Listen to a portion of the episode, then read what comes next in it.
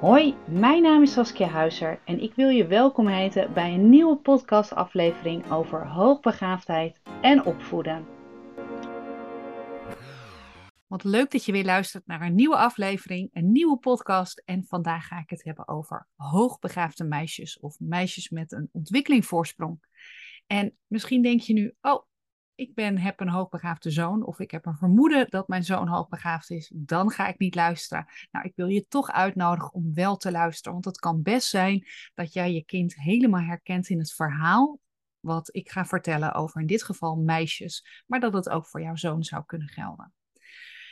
Deze podcast gaat dus over meisjes met ja, een ontwikkelingvoorsprong of dus met een vaststelling van hoogbegaafdheid. En ik krijg deze vraag best wel vaak in mijn praktijk. Van Saskia, hoe komt het nu dat meisjes niet zo snel gezien worden? Zijn er nou minder hoogbegaafde meisjes dan hoogbegaafde jongens? En wat maakt nou eigenlijk waarom dit ook zeg maar zo is? Nou, in principe heb je, zijn er, ehm, tenzij er echt meer jongens op deze wereld zouden zijn, maar dat is uh, relatief, of dat tenminste dat is aardig gelijk, zowel jongens als meiden. Uh, maar er zijn net zoveel hoogbegaafde jongens als hoogbegaafde meisjes. Even heel kort door de bocht gezegd. Alleen, wat is de reden dat er meer jongens ja, gediagnosticeerd of gesignaleerd worden? Nou, en daar ga ik uitleg over geven, want uh, het klinkt misschien heel eenvoudig, maar meisjes laten zich veel minder snel zien.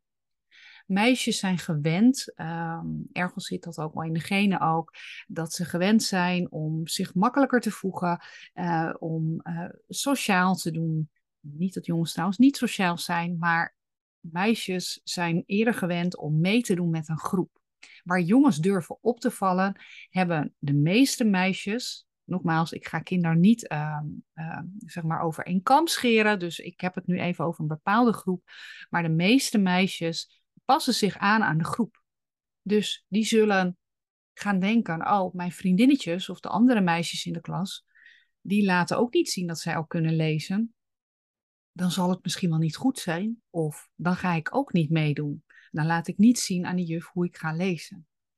En dit is gedrag wat je heel veel ziet bij meisjes. En niet alleen als ze jong zijn, maar ook uiteindelijk als ze wat ouder zijn. Ze willen eerder bij een groep horen.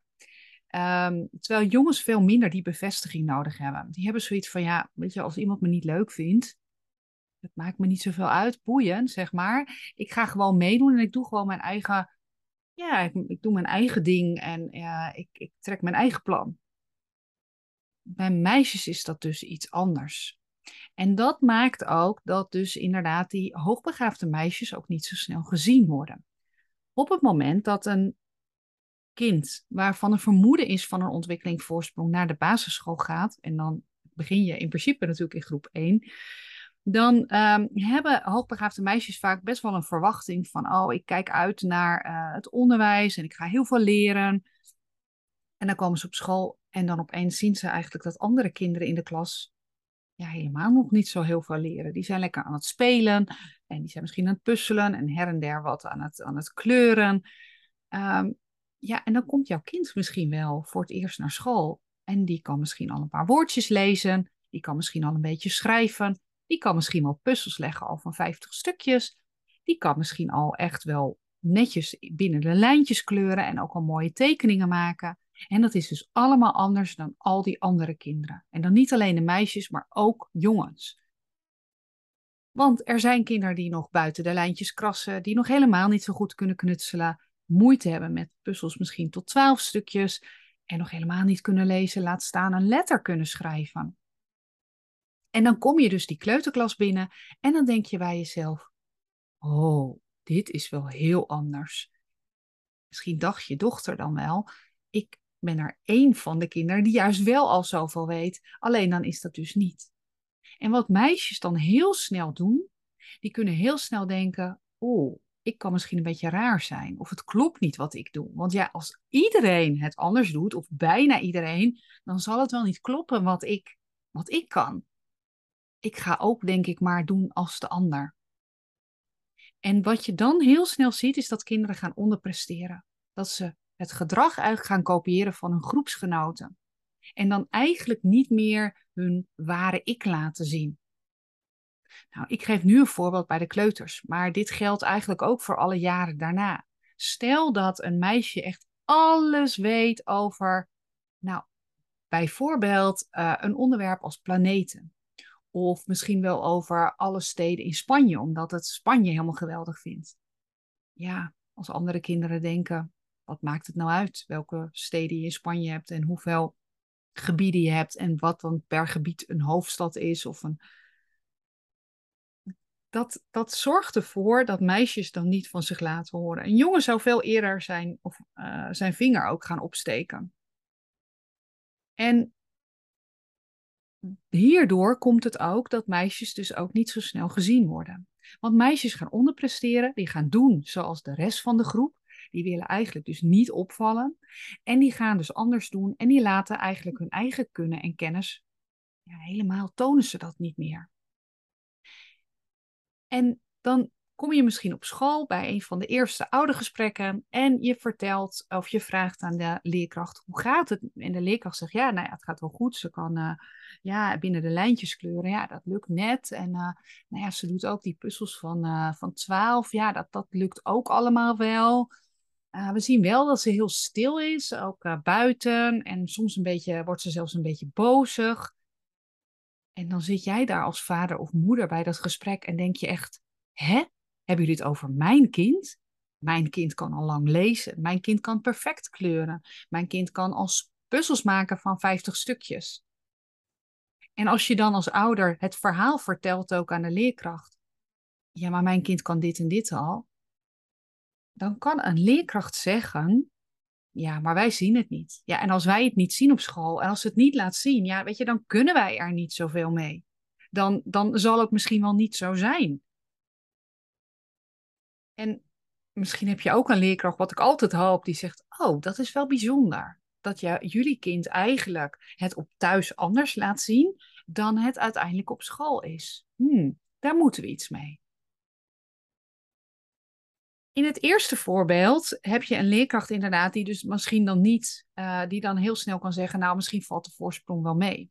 Van een moeder kreeg ik afgelopen week een brief en die, uh, of een mail en zij gaf aan van, dat uh, de leerkracht had gezegd, ja, als ze nu niet vier dinosaurus of planeten kan noemen, nou, dan zal de voorsprong wel meevallen.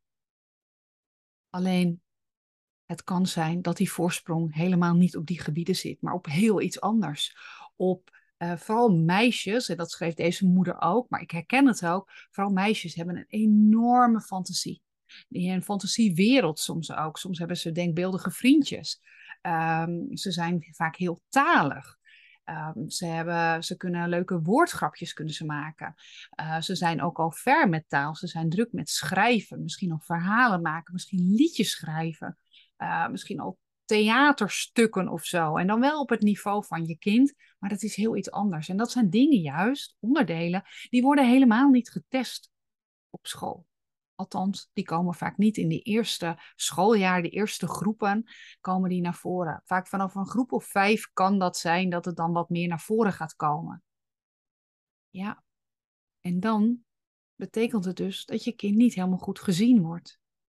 Nou, ik hoop nogmaals op die leerkracht die zegt: hey, hier klopt iets niet, hier moeten we iets aan doen. Wij gaan aan de slag. We gaan misschien kijken om een kindgesprek te hebben met, uh, met uh, je dochter. Uh, we gaan kijken van hoe kunnen we haar eventueel aanzetten. Zo'n leerkracht heb je nodig. En het is niet gemakkelijk. Een meisje wat eigenlijk aan het onderpresteren is, wat dus niet wil opvallen, die heeft eigenlijk voor zichzelf onbewust en soms misschien wel bewust de beslissing genomen: ik wil niet gezien worden. Het heeft toch geen nut. Of ik wil niet anders zijn dan is het heel moeilijk om zo'n meisje weer daaruit te krijgen en om uiteindelijk dan te kijken van hé, hey, we gaan haar wel weer aanzetten. En dat kost tijd. Dat kost uh, vertrouwen. Je kind heeft vertrouwen nodig in je leerkracht. Of in, uiteindelijk in de ouder ook. Gesprekjes. Maar niet altijd de vervelende gesprekjes van nou, wat zou je dan willen? Nee, gesprekjes gewoon je wordt gezien, je wordt gehoord in je interesses.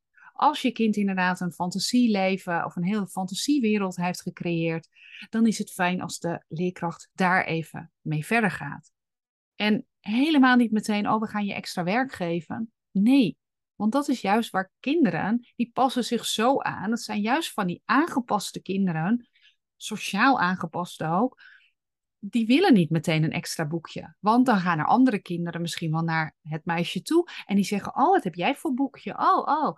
Nou, en dan moet je kind zich weer verantwoorden. Nee, in eerste instantie wil je kind juist niet zo op, zeg maar, opvallen in die groep.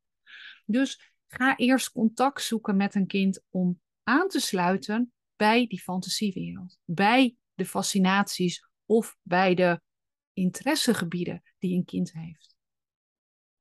Een kind wil gehoord en gezien worden. Dat is zo ongelooflijk belangrijk. En niet alleen voor hoogbegaafde kinderen of kinderen met een sterk ontwikkelingspotentieel. Nee, ieder kind wil dit. En wij willen dit ergens als volwassenen ook.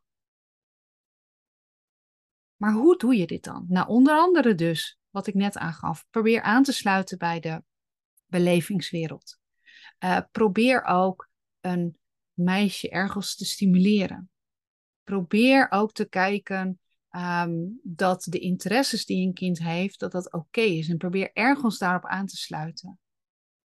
En als ouder zou het heel mooi zijn als je ook ergens je kind, uh, je dochter ook kan aansporen, ook om te laten zien. Het zij door een presentatie of een keer door iets mee te nemen, maar om ook echt te vertellen over ja, haar talent. En dit is voor een meisje niet gemakkelijk. En voor jou als ouder ook niet. Want misschien zeg jij wel, ook zeker nu dat je dit hoort, Saskia, soms is mijn kind een kind thuis die ik gewoon niet ken. Niet ken van dat het lekker in haar velletje zit, dat ze rustig is, maar ze heeft driftbuien, ze is geïrriteerd, ze is niet happy, ze slaapt niet goed. Dat zou allemaal kunnen. En dat zijn signalen ergens dat je kind misschien wel onderpresteert, dat jouw kind zich heeft aangepast. En uh, dat ze dat eigenlijk doen om niet op te vallen, om anderen eventueel plezier te doen. En ja, dat, dat wil je omdraaien. En ik merk in, uh, zeker toen ik plusleerkracht ben geweest ook, ben ik langere tijd geweest, dat ik juist ook probeerde die meisjes er ook tussenuit te halen.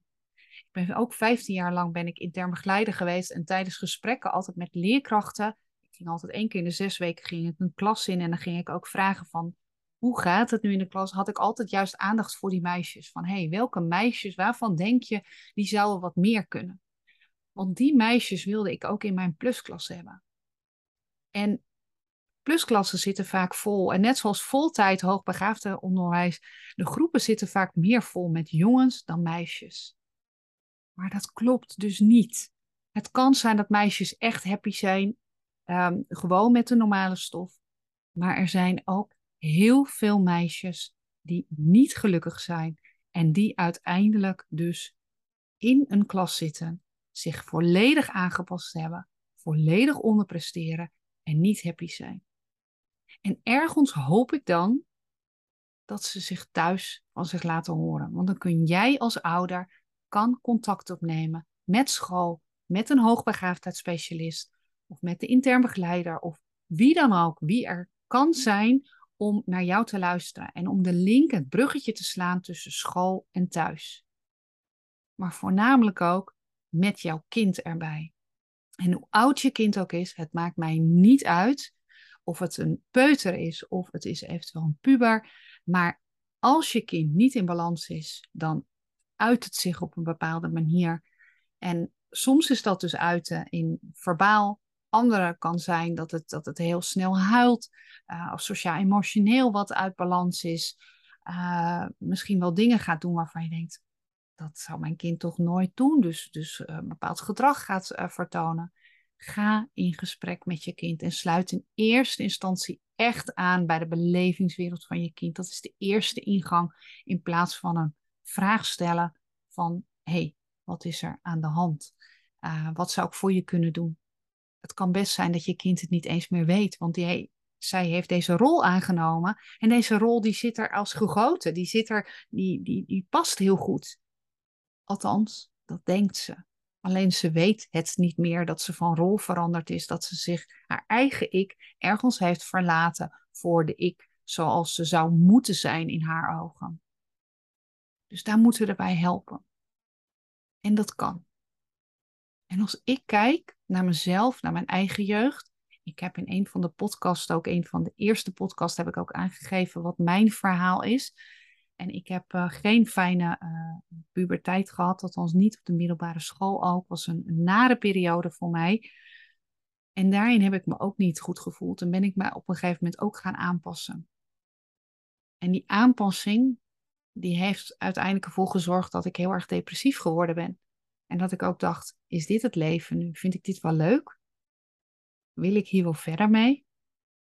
En nou is dat misschien voor mij een extreem verhaal, maar ik wil alleen maar aangeven, als je je langer tijd aanpast, dan doet dat iets met je. Want ieder mens, jij, ehm, je kind, ehm, misschien je partner of misschien je werkgever, maar ook ik, je wil uiteindelijk jezelf kunnen zijn. Je wil echt je ware ik kunnen tonen. Want je bent een prachtig mens. En dat zijn wij allemaal. We hebben allemaal kwaliteiten en talenten. Alleen die moeten we niet gaan wegstoppen. Wat ik nog ook, dus nog één punt wat ik echt wil belichten ook. Um, hoogbegaafde meisjes vallen dus niet zo op. En dat heb ik net verteld waarom ze ook niet zo heel erg opvallen. Wat ik ook heel vaak terugkrijg van um, leerkrachten, is dat ze aangeven van meisjes, slimme meisjes of dus kinderen met een uh, ontwikkelingsvoorsprong. Oh, ik zou ze het liefst onder het kopieerapparaat willen leggen. En dan zou ik er zo 30 van in de klas willen zetten, want dan heb ik 30 dezelfde kinderen. Want zo fijn, doet altijd zo goed haar werk, luistert, is behulpzaam. En dat is ook nog iets. Hoogbegaafde meisjes vallen dus niet op in hun gedrag. En dus ook niet dat ze eigenlijk meer nodig hebben, maar doen heel braaf mee. Die passen zich dus weer, dat heb ik al eerder aangegeven, heel erg aan aan het klimaat. Van de klas of van de hockeytraining, kan overal zijn. Alleen, dit is, klopt dus ook niet. Jongens daarentegen, als zij, zich, ja, als zij niet helemaal happy zijn, dan laten ze van zich zien. Ze laten van zich horen. En dan krijg je de kinderen die ja, misschien wel gedragingen laten zien van, oh, die worden heel erg druk. Die kunnen niet stilzitten. Die worden brutaal. Of die gaan juist ook zich ergens terugtrekken en vertonen juist wat autistischer gedrag. En dan kan het heel makkelijk gezegd worden, nou, ik denk dat u misschien wel aan ADHD moet denken of aan autisme. Terwijl een meisje wordt dat veel minder, wordt dat ook vastgesteld of benoemd. En dat komt gewoon omdat meisjes gewoon lekker meedoen. Lekker meelopen, lekker vrolijk zijn. Alleen thuis zie je dan hopelijk, ergens hoop ik, dat, weet, ik gun het je eigenlijk niet dat je kind net laat zien dat het, uh, of dat je veel struggles hebt met je kind thuis, want dat gun ik geen enkele ouder. En dat is ook mijn missie ook. Hè? Ieder ouder expert maken van zijn eigen kind, zijn of haar kind, zodat je zelf uiteindelijk je kind kan begeleiden. Maar als je kind het wel laat zien, dan ben ik ergens ben ik toch wel een beetje blij. Laten we het zo maar noemen. Want dan weet jij dat je als ouder er iets aan kunt doen. Dan klopt er iets niet. Je bent allemaal wel eens uit balans, maar in dit geval is je kind dan meer uit balans. Ik hoop dat je iets aan deze podcast hebt gehad. Um, dat je, ik hoop ergens dat je als je twijfels hebt of je kind zich aanpast op school, dat je weer wat aanknopingspunten hebt om in gesprek te gaan met school, met de leerkracht of de docent, want dit kan ook op het voortgezet onderwijs kan dit gebeuren, met de intern begeleider of de hoogbegaafde specialist. Doe er iets aan, want er moet iets gebeuren. En het, ik kun je daarmee helpen om in ieder geval als ouder al je handvatten te geven ook. Hoe kun je hier nu mee omgaan? Maar je kunt ook kijken hoe je het zelf kan doen. Als je er niet meer uitkomt, dan ben ik er voor je. Stuur me gerust een mailtje naar um, info.saskiahuizer.nl of via Instagram. Daar ben ik ook veel te vinden. En laat het me weten. Dan denk ik met je mee.